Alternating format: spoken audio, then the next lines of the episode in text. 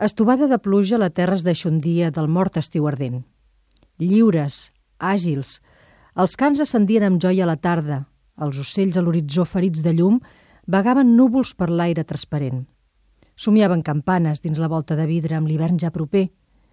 Les fulles tremolaven a la fina carícia de la gran mà del vent.